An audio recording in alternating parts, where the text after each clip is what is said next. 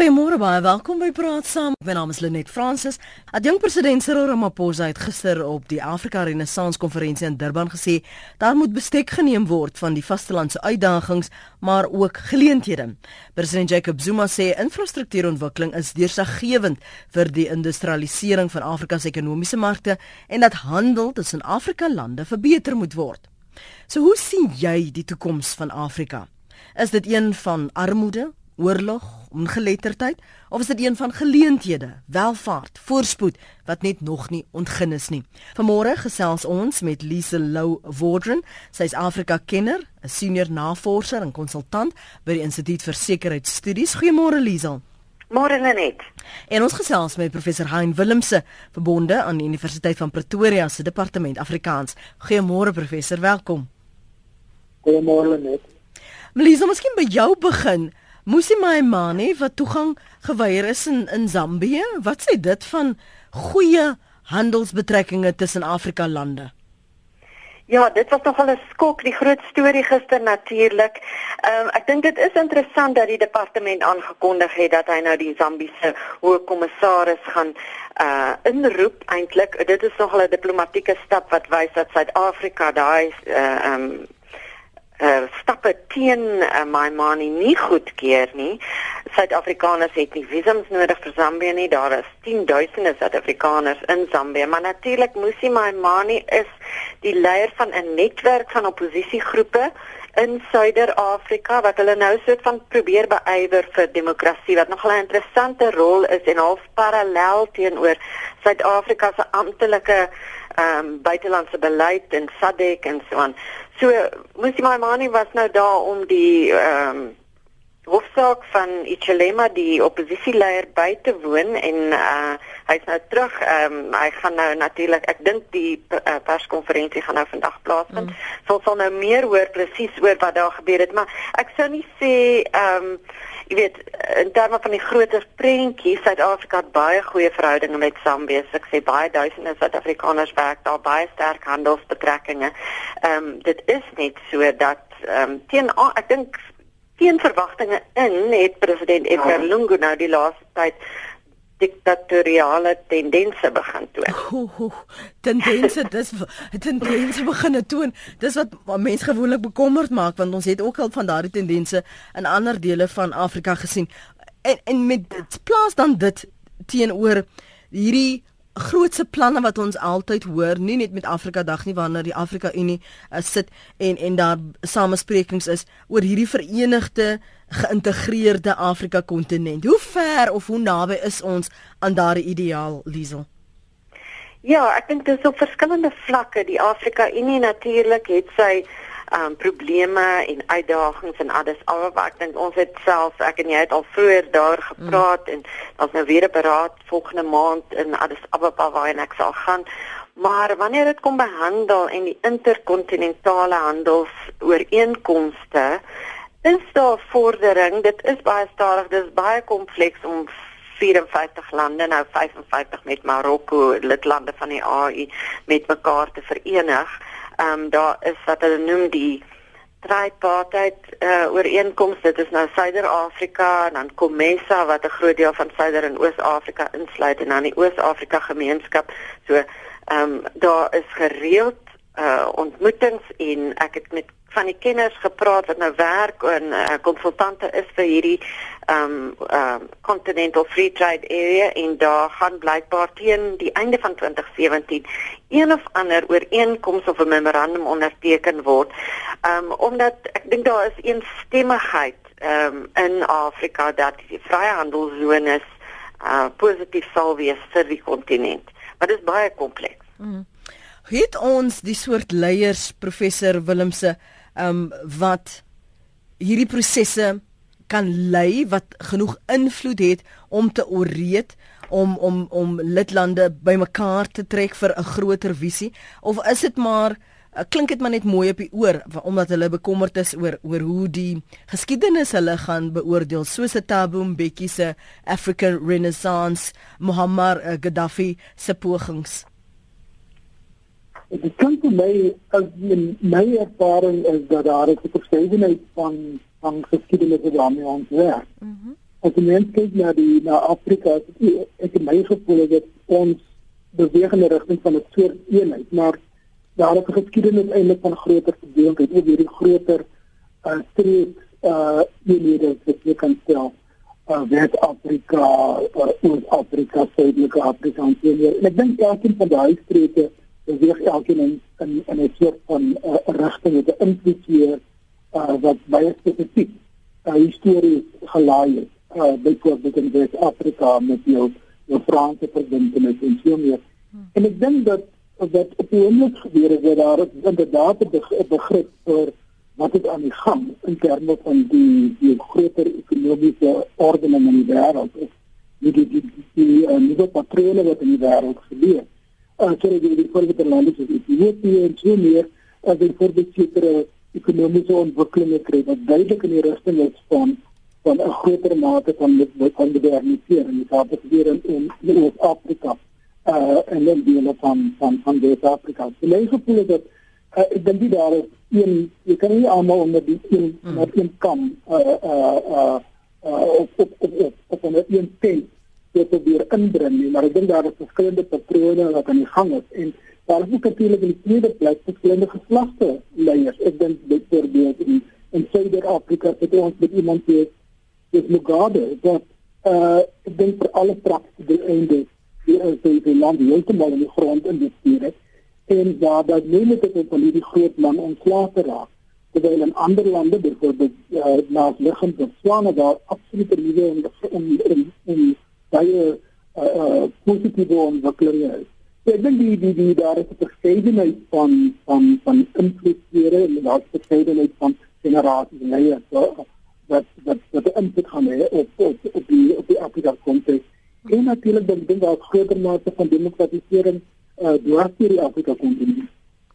Wat wat as jy invloedsfere moet identifiseer Liesel veral as jy nou so reis wat op die oomblik is die die gunstelinge uh, wat ons in die verlede altyd hierdie persepsie en in ons um, analise dat Afrika is die die die kontinent wat ehm um, Rusland, China na vry want daar's geleenthede, daar's nog so baie minerale en en en uh, ander industrialisering wat kan plaasvind. Maar as jy binne Afrika kyk, um, en ons het ook al gesien die mededingendheid, wat waar is hierdie invloedsfere en watter neiging is daar dan wat 'n mens nou kan identifiseer? Ja, ek dink wanneer dit kom by die internasionale gemeenskap en buite buitelanders buite Afrika se invloed in Afrika. Is dit maar men China bly nog steeds 'n groot rolspeler um, op die kontinent Suid-Afrika is een van die grootste beleggers ook um, wanneer ons nou kyk na um, beleggings uh, in ander Afrika lande. Frankryk speel 'n groot rol um, soos uh, die uh, soos professor Willem se gesê het hy is heeltemal reg die Franssprekende Afrika lande het definitief hulle eie identiteit en noue verbintenis met Frankryk, maar dit is miskien minder ehm um, as wat mense dink in terme van ja, ekonomiese beleggings, maar meer 'n politieke, kulturele en ook deesdae 'n militêre betrokkenheid van Frankryk in vredesoperasies in Mali en die Sentraal-Afrika Republiek en so aan. Dan is daar nou nuwe spelers soos uh, Turkye byvoorbeeld wat uh interessant genoeg um in die ooring van Afrika groot rol speel Somalië en sulke plekke. Um daar was hierdie week 'n uh, besoek aan Burundi deur uh Turkse parlementariërs en so aan. Daar's Turkye probeer um definitief vriende wen en bande smee reg oor uh dele van die kontinent. Maar in die Europese Unie ehm um, as 'n blok is een van die grootste finansierders van die uh, Afrika Unie nog steeds en nog 'n groot handelsvernoot net soos met Suid-Afrika. So daar's China het ons ons het baie gepraat oor China die laaste dekade dink ek wat nou nou is daar Brasilië het ook bande met die uh uh met uh Portugees sprekende lande veral en ander en dan is die Indië 'n groot belegger. Ehm um, dit is dit is op verskillende vlakke, maar ons kan definitief sien daar is 'n tendens dat die tradisionele vennote van die kontinent soos die Europese Unie en Amerika tot 'n mindere mate 'n klein bietjie wegskuif en dat dan nou en dit is eintlik 'n tot 'n groot voordeel van hmm. Afrika lande want dan het hulle ehm um, half groot verskeidenheid van vennote om soms teen mekaar af te speel wanneer dit kom by beleggings en bande smee en ehm um, ooreenkomste sluit. Dit is interessant wat jy net nou na verwyse professor Willem se oor oor hierdie uh, invloedsfere. Ehm um, Liesel praat nou van in sekere Franssprekende dele uh, in in Afrika wat uh, meer op 'n politieke en 'n militêre betrokkenheid voel asof die wortels daarheen trek. President Zuma het gister gepraat oor ehm um, veral na aanleiding van al die insidente wat ons hier in Suid-Afrika gesien het ook xenofobiese aanvalle dat ons ons Afrika broers anders moet hanteer, anders moet behandel. Dink jy dat dat dat daar vordering is op daardie gebied in in terme van Afrika boer teenoor uh, ander of is dit maar gaan dit meer oor kultuur, gaan dit meer oor taal, gaan dit meer oor geleenthede, gaan dit meer oor uitbouing van Frankryk of van van ehm um, Nigerië of van Burundi byvoorbeeld. Is daar oor Afrika broers 'n hegter band as wat ons in die verlede gesien het? Dit my eie gevoel rondom hierdie hierdie goed is uh, veral rondom die aspek van vreemdelinge aard. Mm. Dit is dit is dat is dat dis nie wat vreemd is uh in in in in ons omgewing hier en ook in Afrika nie. So ja, dit word die lang geskiedenis van van uh uh die wêreld en dat wat in literatuur en in die, in die uh, kreatiewe literatuur. Is daar baie stories van byvoorbeeld hoe mense uit uh, Niger byvoorbeeld um, in die Ivoorkust uh op so soortgelyke maniere behandel is. Wat in Suid-Afrika gebeur is dat ons het 'n groot mate van ons 'n lang geskiedenis en 'n groot mate van daardie geskiedenis het gegaan is gegaan oor hoe Suid-Afrika beter is as die res van Afrika. Hoe ons dit hoe ons Suid-Afrikaners anders is as die res van van, van Afrika. Uh uh die narratief opgebou het is dat die mense is die res van Afrika na Suid-Afrika toe kom om 'n hele paar goed te doen. Hulle wil ons werk, hulle wil ons uh ondermyn, hulle wil allerlei ander goed doen uh so dit word in ons vrouens wat uh, wat ook al nie die geval mag wees. Mm. 'n Groot deel van daardie uh geskiedenis dis uh ook van dat van hierdie aspek van vreemdelinge het dit te maak daarmee dat ons 'n geskiedenis opgebou het waar die res van Afrika as vreemdelinge gesien het en dit is as vreemdelinge wat ons op afstande wil uh gesien het. Die tweede aspek wat dit belangrik is, is die die ekonomiese uh ontwikkeling en vordering in Suid-Afrika self. Uh die derde aspek dink ek is die kwessie van van van maatskaplike beheer en douane beheer en hierdie goed wat baie prakties is. Uh die data is dat die die hele die die data aanstelling dat lei dat watergroei uh as die watervloei uh afdraand. En in ieder geval is dit daar, net mense van daar daar ekonomiese uh uh uh geleenthede. So ek dink al hierdie aspekte speel 'n rol. Ek het ook aanvaar dat die hele debat rondom Afrika breër en twee meer is 'n emosionele is nie net altyd 'n kulturele een, dit is alhoewel daar duidelike aanduiding is, maar dit is dit is dit wat fakkies politieke uitroep. En ek dink daar is plek daarvoor, ek dink daar is 'n lang geskiedenis van van van daardie verbintenis wat met Pan-Afrikanisme saamhang en dan die Nkomo beweging, is die Pan-Afrikanisme beweging in die jare 40 en so meer.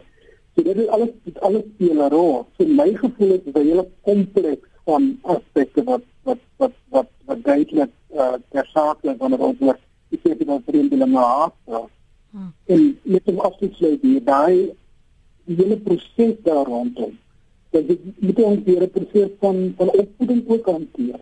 En hoe spreek ons hierdie dinge aan uh deur middel van van opvoeding oor onverbintenis politiek, kultureel, sosiaal en so meer vir die res van Afrika. Nou dit is iets wat ek dink die huidige regering eintlik verras al heeltemal agter die weer gelaat het sodat 'n klomp van hierdie verbintenisse daar van mense praat eintlik meer retories is as wat dit werklik aktief op skoolvlak op uh opvoedingsvlak op uh, sosiale vlak in die koerante en so meer eintlik gepropageer en ontwikkel word. Liesel, ons het nog gesels oor die die wyse waarop Afrikaner vir ons aan Suid-Afrika beskou as die land van melk en honing sommige en en in die verlede Suid-Afrikaners wat hulle self nie as deel van Afrika beskou het nie gedink het hulle is beter.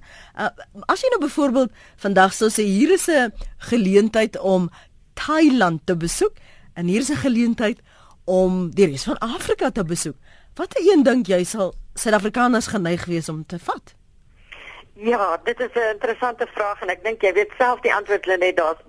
Mense kyk altyd na buite die kontinent uh uh Thailand of of Europa of selfs ehm um, Oos-Europa. Ek ek het net verlede naweek met iemand gepraat, 'n jong Suid-Afrikaner wat sê maar sy wil nou die land verlaat en reis en toe sê ek wel Senegal, wat van Ethiopië of nee nee nee, glad nie. Nee, ons uit die kontinent uitkom. En dit is heeltemal ek meen dit dit is dis nou maar 'n interessante verskynsel. Daar is natuurlik baie Suid-Afrikaners wat ook ehm um, met 4x4 voertuie deur Suider-Afrika mm. reis en reis tot in Tansanië en ek wil nou nie sê dit dit bestaan nie maar daar is daar is maar nog steeds daai stereotipe dat Afrika is agterlik en dit is oninteressant en daar en dit is gevaarlik. Ehm um, maar dit is besig om te verander en dit is interessant dat met die Afrika Dag feesvieringe daar meer en meer uh, geleenthede is in konferensies en kulturele feeste. Dit was nie so 'n paar jaar gelede nie en dit was natuurlik in reaksie tot die xenofobiese aanvalle wat die regering ehm um, hierdie soort van byeenkomste van stapel gestuur het en ook die uh, diaspora forum uh, Mark Bafu van die Voorkusy organisasie hier in in Johannesburg het uh, um, geleenthede georganiseer. So ehm um, dit dit is interessant dat daar definitief ehm um, kan ek sê ehm um, meer kennis is, ehm um, meer um, positiewe houding dink ek van baie gewone Suid-Afrikaners ehm um, met ter tyd die kontinent beter leer ken en dit dit is nat, dit is baie positief natuurlik. Mm.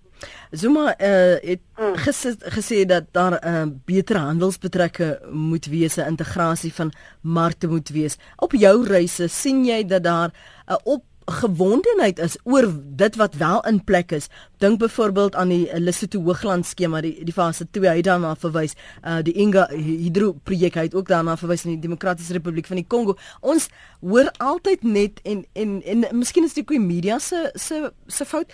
Ons hoor net wanneer daar troepe onttrek word of meer troepe gestuur word na al die onrus binne sekere dele van Afrika.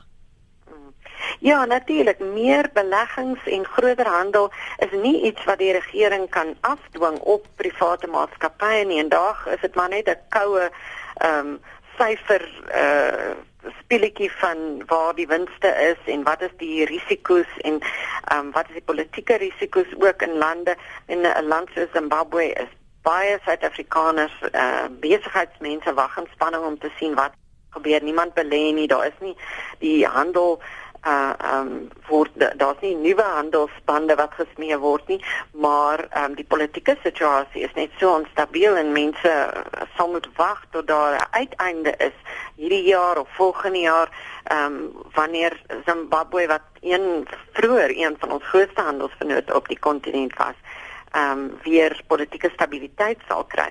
So wat die regering van sy kant af kan doen is natuurlik om beter ehm um, stelsels in plek te stuur te sit soos SADC, soos die monetêre eenheid in Suid-Afrika. Maar ehm um, uiteindelik is dit maar net ehm um, ek sê sakemense kyk net na waar die winsgrense lê. Daar is opgewondenheid.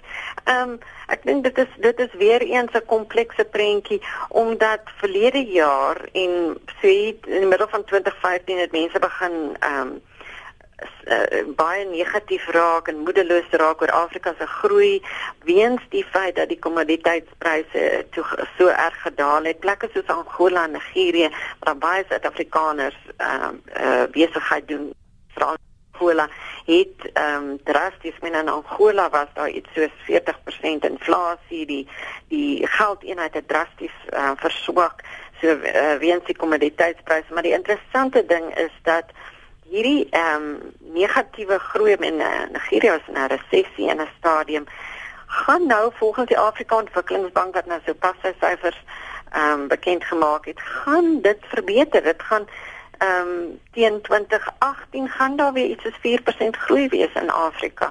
So dis eintlik relatief kort hierdie periode wat ons nog gehad het van ehm um, negatiewe groei of hmm.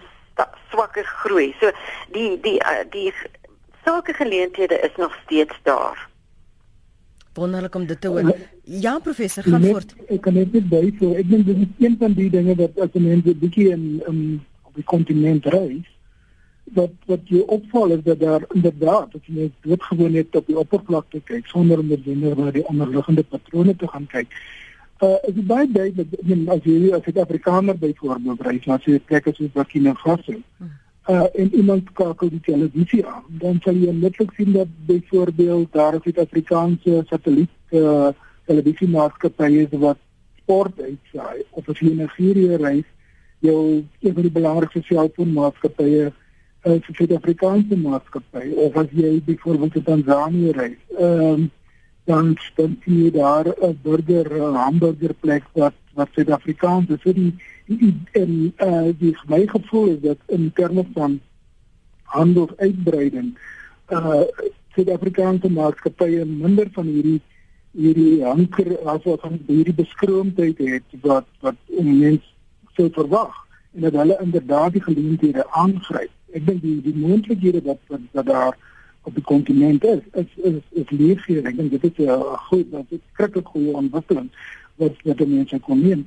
Die die nadeel daarvan is dat daar ook 'n gevoel is van van ehm uh, van kolonialisering, 'n nuwe soort van kolonialisering. Wat ek dink deel is van 'n van 'n van 'n van 'n gesprek wat wat ek dink breër gaan as net doodgewoon die handelsgeleenthede, want dit gaan hier oor hoe uh, hanteer uh die die plaaslike mense, hierdie mense wat van buite af kom, wat die die soort van kontrakte wat daar geskep word. Daar is 'n sosiale soort van van verbintenisse tot die man wat daar in hmm. op, op, op daardie vlakke ontwikkel.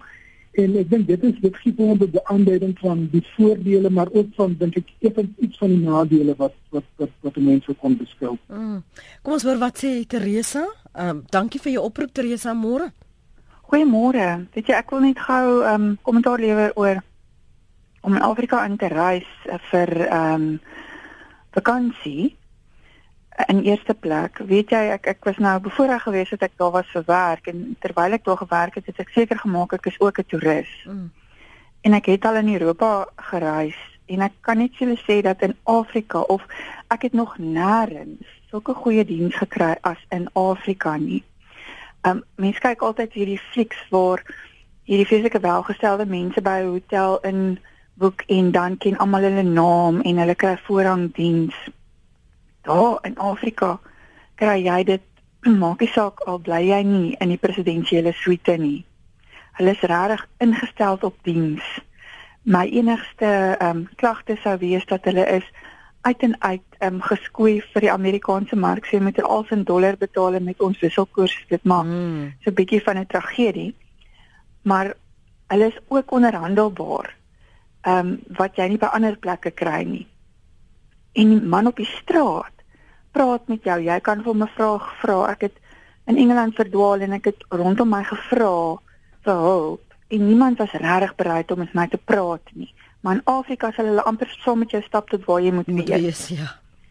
En dan wat besigheid aanbetref, ehm um, moet ek vir sê dink ek Afrika nou is die tyd om in Afrika te belê. Hmm. Hy is is Thabo Mbeki se African Renaissance, dit gaan nou begin gebeur. Ek is self besig om my skoonheidsreeks te ontwikkel. Mm. Want ehm um, in Kenia en in Tanzanië en baie van hierdie Oos-Afrika lande waar ek was, is daar amper op elke hoek 'n skoonheidssalon. En hulle het niemand daar. Hulle voer al hulle produkte in of van Suid-Afrika af of dit kom van Saudi-Arabië af. Mm. Hulle doen dit nie daar plaaslik nie. En hierdie mense kan nie wag om my produkte te kry nie. So ek dink regtig ons moet ander oë kyk na Afrika en ehm um, hulle sê altyd charity begins at home en ek dink dit is regtig waar ons as Afrikaners moet begin met ons eie land en ons eie kontinent. So as ons praat vanoggend oor die toekoms van Afrika dan sou jy beslis sê dis dis een van geleenthede, dis een van welvaart, dis voorspoed wat ons nog nie eers uh, die bodem begin krap het nie. Nee, weet jy as ek um, as ek Kenia vat byvoorbeeld, hy is nou al 50 jaar um, onafhanklik, wat beteken as as twee keer so lank onafhanklik as wat Suid-Afrika is. Hulle het ook 'n verkiesing hierdie jaar. Hulle het so 'n paar weke gelede het hulle 'n nominasieproses gehad. En dit was my interessant geweest dat meer as een persoon met wie ek gepraat het oor die nominasieproses vir my gesê het for us it is good um to see the politics at the moment because people have come to a point where they accept that they may not be chosen. So daar's 'n baie hmm. meer gematigdheid. Daar's nie meer hierdie vreeslike ding van ek wil wen, maak nie saak wat nie en ek sal korrup wees tot ek wen. Um ek dink daar is sekere goeders wat Afrika verhoed om daardie bloeiende um kontinent te wees en dit is altyd vir my hartseer want Afrika het absoluut meer natuurlike hulpbronne en minerale as wat enige ander kontinent in die wêreld het. Ons moet die regte mense in plek kry en ons moet onsself skoei om nie net ons rouprodukte uit te voer en dan 'n uh, uh, verwerkte produk in te voer nie. Ons moet dit self doen en self uitvoer en dan gaan ons Afrika sien groei. Teresa, dankie vir jou oproep. Dit is lekker om na jou te luister vanoggend. Sterkte ook met al jou geleenthede wat jy ondersoek. Fanny, ons luister. Goeiemôre. Goeiemôre, dis Fanny. Ek is 86 jaar oud. Ek bly hier op Kaakemas, Bloemlik, maar ek het van Kaapstad af gewerk tot aan die Kongo en oos aan Mosambiek en Wes aan Suidwes. En ek wil vir jou een ding sê. Suid-Afrika is die mooiste land. Ek was ook in Europa, ek was in Switserland, ek was Griekeland en Afrika het die meeste natuurtonele met die wonderlikste uh, klimaat as jy vat dwars deur 'n jaar vir al die uh Kongo gebied, die Ewenaar gebied. Daar's niks wat daarbey kom nie. Die enigste probleem is oral daar's goggas en daar's muskiete en sulke goede en dis gevaarlik. Maar vir om na die woestyne te kyk, na die bosse te kyk, na die bome, na die woude in die Kongo. Daar's niks in die wêreld wat daarmee vergelyk is. Miskien in Amerika was nog nie daar nie. Maar hier en dan as jy dan die klimaat van dwars deur die jaar, veral die somertyd, dis gemiddeld 23 grade Fahrenheit per dag. En jy kry dit nêrens in die wêreld nie. So ek sou sê in in die die mere en die visserye en die swakmense, hulle is gaaf in baie gebiede.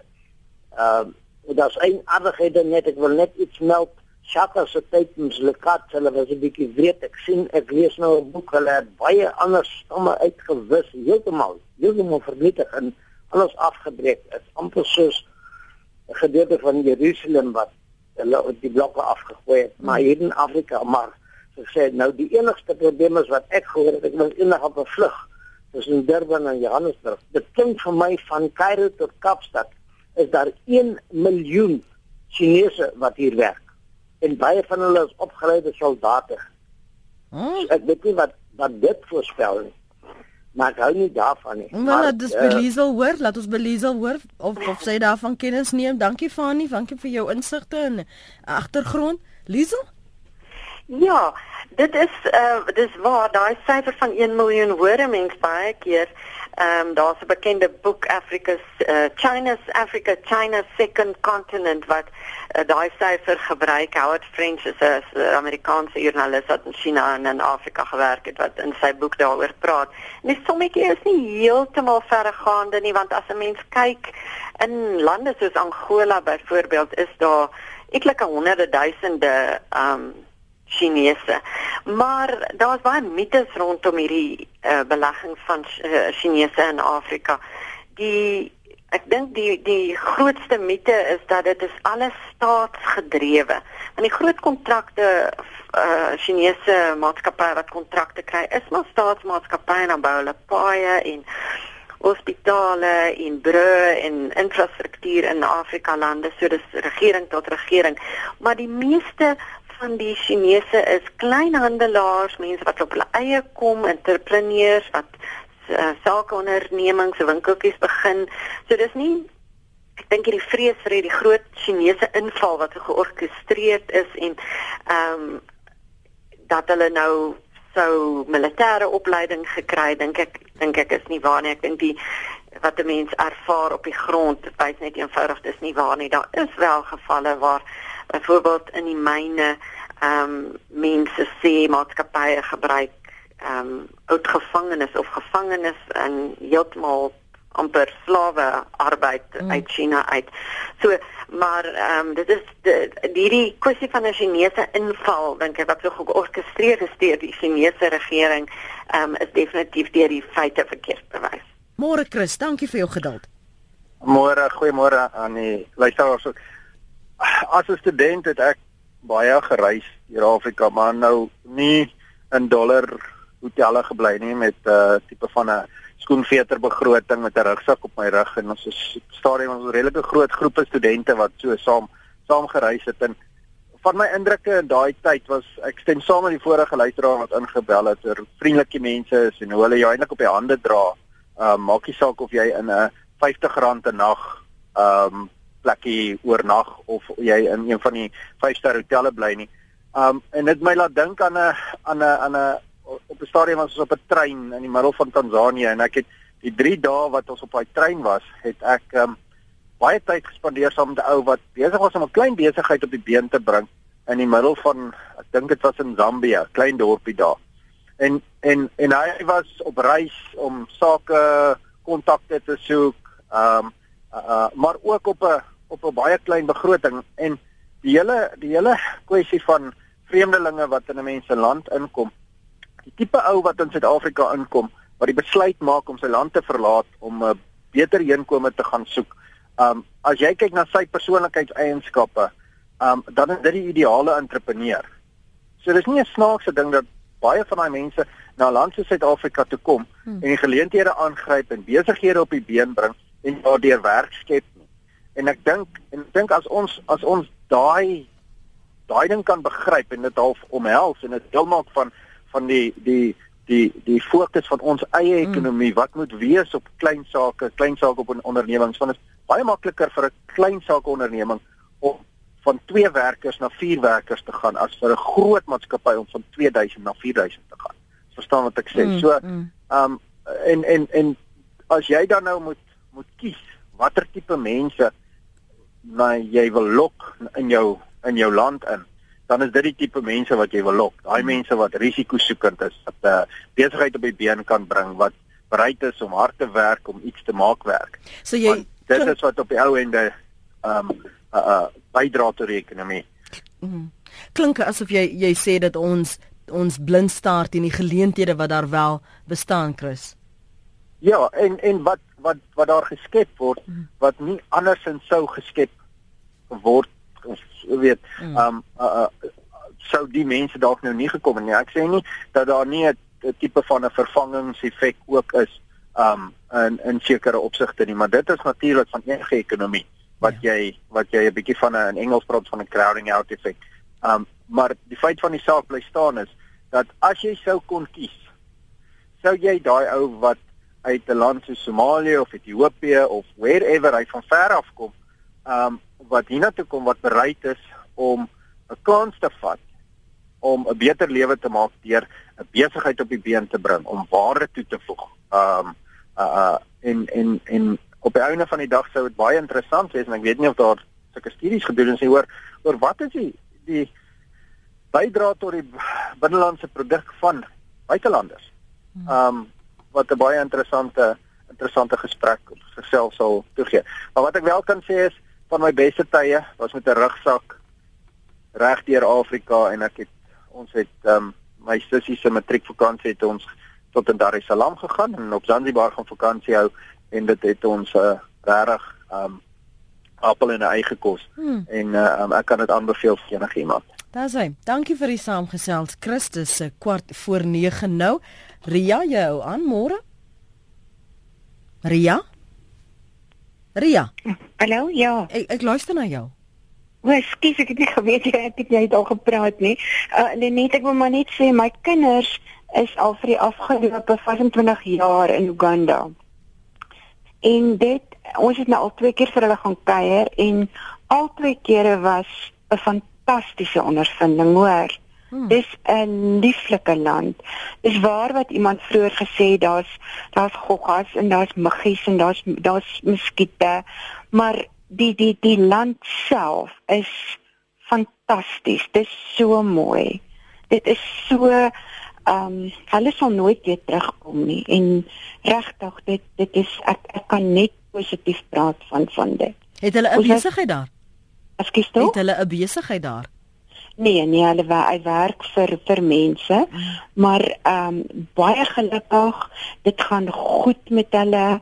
Ehm um, alles is okay, dis dis dis dis nie so ontwikkel soos wat dit hier by ons is nie. Daar's daar's as mens negatief wil wees en jy kyk byvoorbeeld na die paaie, dis dis aaklig.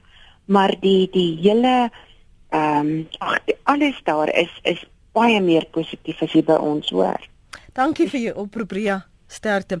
Jy hoor die insette van ons luisteraars professor Willemse. Uh, hier skryf Connie van Dana Bay.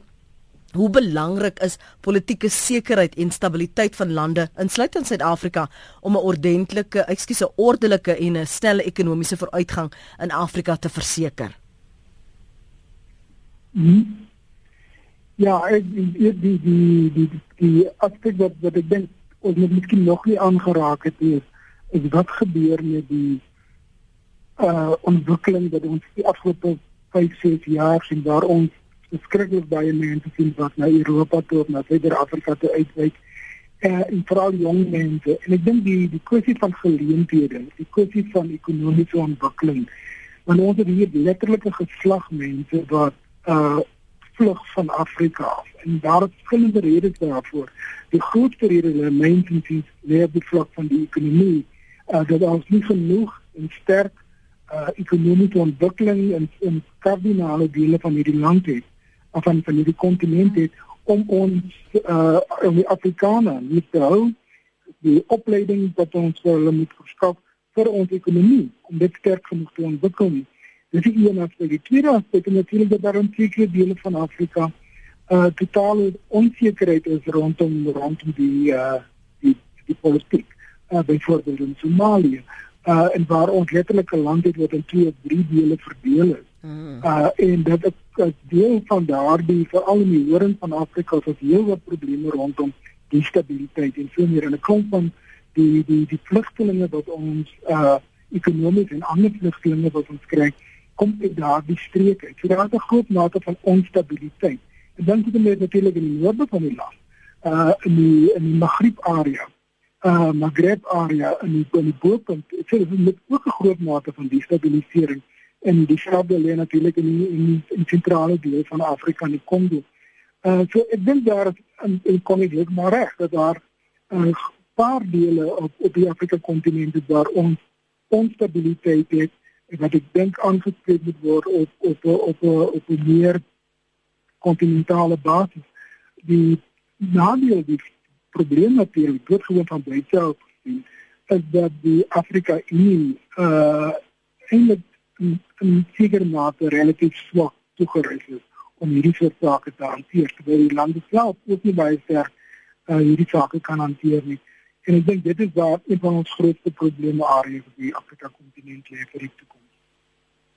Net hierdie punt miskien vir jou gee ook oor jou kommentaar oor die politieke sekerheid en stabiliteit um, en hoe belangrik dit is vir vooruitgang in Afrika om, om daardie toekoms van geleenthede te kan bewerkstellig waarna Connie verwys um, Liso Ja, Lenet, dit is natuurlik baie belangrik en daar is plekke op die kontinent waar daar ernstige konflik is soos in Suid-Sudan en Somalië, soos professor Willem gesê het, en daar is ehm um, meer as 'n miljoen mense wat nou gevlug het uit Suid-Sudan weens hierdie verskriklike oorlog.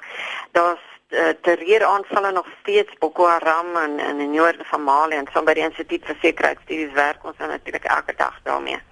Maar die kwessie van uh, jong Afrikaners wat hulle lewens waag om Europa toe te gaan op klein bootjies uit Libië uit en uh, oor die Middellandse See is natuurlik een wat ek dink vir alle besluitnemers en almal op die kontinent so 'n uh, groot kopseer is omdat die die vraag is waarom is mense so desperaat?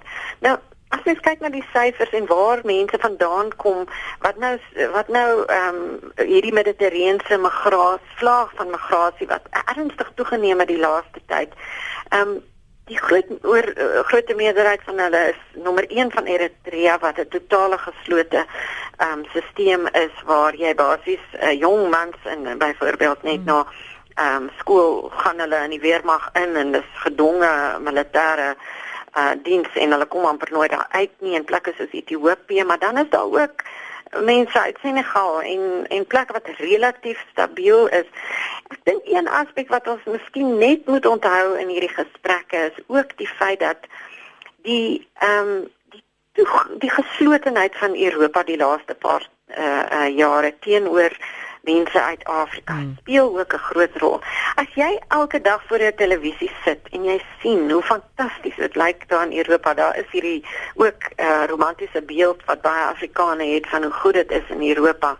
En jy het familielede wat daar werk en bly. Maar soos al ons inbellers vandag gesê het, hoe fantasties dit is net om te kan reis. As iemand vir jou sê maar jy mag glad nie dis onmoontlik vir die res van jou lewe om nooit 'n visum kry om Frankryk toe te gaan nie. Dan is daar hierdie die jong mense wat sê nee, maar ek ek gaan, ek gaan soos ander mense, ek gaan dit probeer, selfs al kom ek om. Weet daar's ehm um, dit is so 'n komplekse kwessie van van migrasie. Natuurlik is die die meeste mense is desperaat, maar daar's ook daai ander wat entrepreneurs is en sê maar ek gaan dit regkry en ek gaan ehm um, 'n werk kry in Engeland en en so aan. En en ehm um, daar is so baie emosionele en en amper eksistensiële aspekte aan hierdie migrasie kwessie. Selfs mm. Eh, immigrante uit Suid-Afrika toe.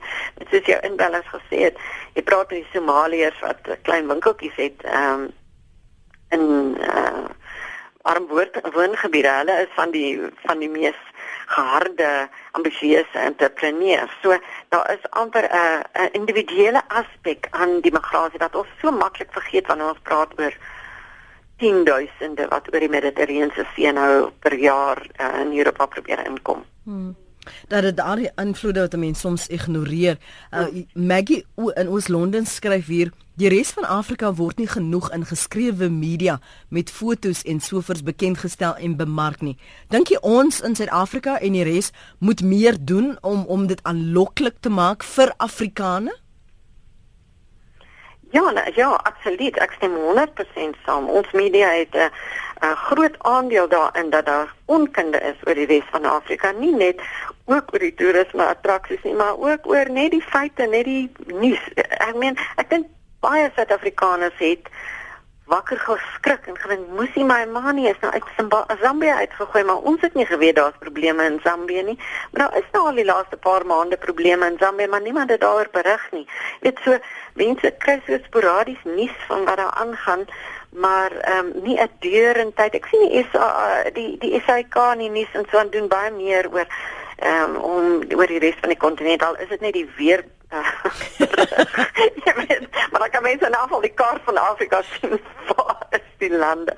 Maar maar maar dit ons media definitief groot skuld daaraan. En so 'n laaste gedagte van jou kan professor vir ons groet? Ja, jy weet ek ek, ek dink nou aan uh uh die Kaapstad Berge te Afrika Renaissance so 20 jaar gelede bekend gestel het. Een van die dinge wat vir my die interessantste was is hoe letterlik oornag uh die Suid-Afrikaanse media moet gaan uitvind waar waar is Timbuktu. Uh hulle letterlik uh in hele klomp berigte en kaarte en goed uh in die in die koerante gepubliseer het om om daardie deel van Afrika bekend te stel. Ek dink daar is baie moontlik hier. Ek dink daar is baie uh moontlikhede om ons self opgestel daarvoor en die vraag is uh op 'n manier doen ons dit om ook 'n verbintenis met die plek waar ons bly inderdaad. Uh, te ontwikkel. En ek dit is iets wat wat vir, vir my ek in die toekoms te vra vir 'n jonger geslag die grootste uitdaging gaan wees want in die wêreld wat ons vandag in leef, is daar verskillende nodes van verskillende hoofpunte, hoofontwikkelingspunte. En ek dink Afrika vir die 21ste eeu een van daardie ontwikkelingspunte. Hmm. Baie dankie vir julle insette vanoggend in die saamgesels. Was heerlik. Dankie professor Hein Willemse en Lise Lou Wardren. Dankie ook aan al die luisteraars wat julle terugvoer. Uh, hier skryf Adri juis pas terug van vakansie uit Malawi, Zambië, Botswana en Namibië. Te veel swaar voertuie op die paaie. Indien spoorwegnetwerke weer ten volle in gebruik geneem kan word, sal die paaie in stand gehou kan word. Opvallend hoe ywerig Malawiërs oral hulle produkte verkoop en nie net op grants oorleef nie, skryf Adri Venter. En dan was daar nog 'n luisteraar wat gepraat het oor haar reise. Ek probeer nou net dit in die hande kry. Ehm um, waar is dit Andrea? wat sê na al my reise deur Afrika, Ghana, Dakar, Tansanië en en en kan ek sê dis 'n belewenis, 'n once in a lifetime ondervinding. Verruil dit vir niks.